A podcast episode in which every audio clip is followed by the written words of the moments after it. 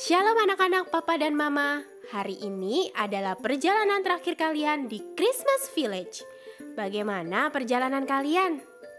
Aku berharap kalian belajar banyak hal melalui perjalanan hari ini ya Hari Natal adalah bukti betapa besar kasih Tuhan kepada setiap kita Hari Natal adalah bukti kalau Tuhan mau ada bersama dengan kita, manusia yang biasa.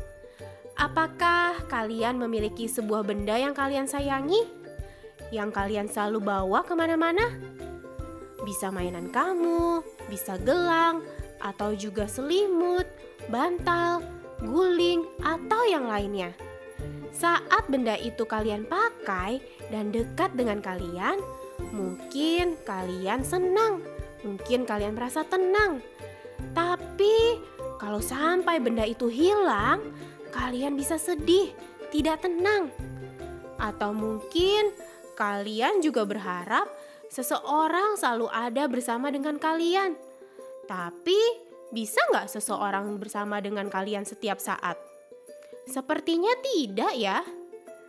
Tapi hari ini kita tahu kalau kita memiliki Tuhan Yesus yang selalu ada bersama kita. Tuhan Yesus yang tinggal di dalam hati kita. Ngapain ya Tuhan ada bersama dengan kita? Mau ganggu kita?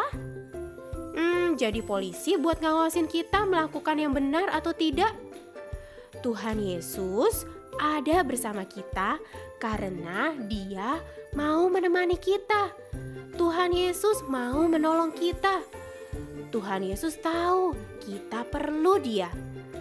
Karena itu, anak-anak, jangan cuekin Tuhan Yesus atau diemin Tuhan Yesus. Tuhan ada bersamamu. Bicaralah kepada Tuhan. Kamu bisa cerita kepada Tuhan Yesus, atau seperti yang lalu aku sampaikan, kamu bisa sampaikan harapan, keinginanmu kepada Tuhan karena Dia pasti mendengarmu. Kamu bisa sampaikan apa pun kepadanya.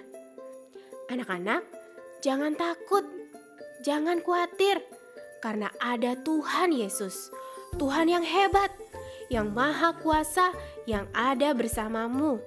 Dia adalah Immanuel.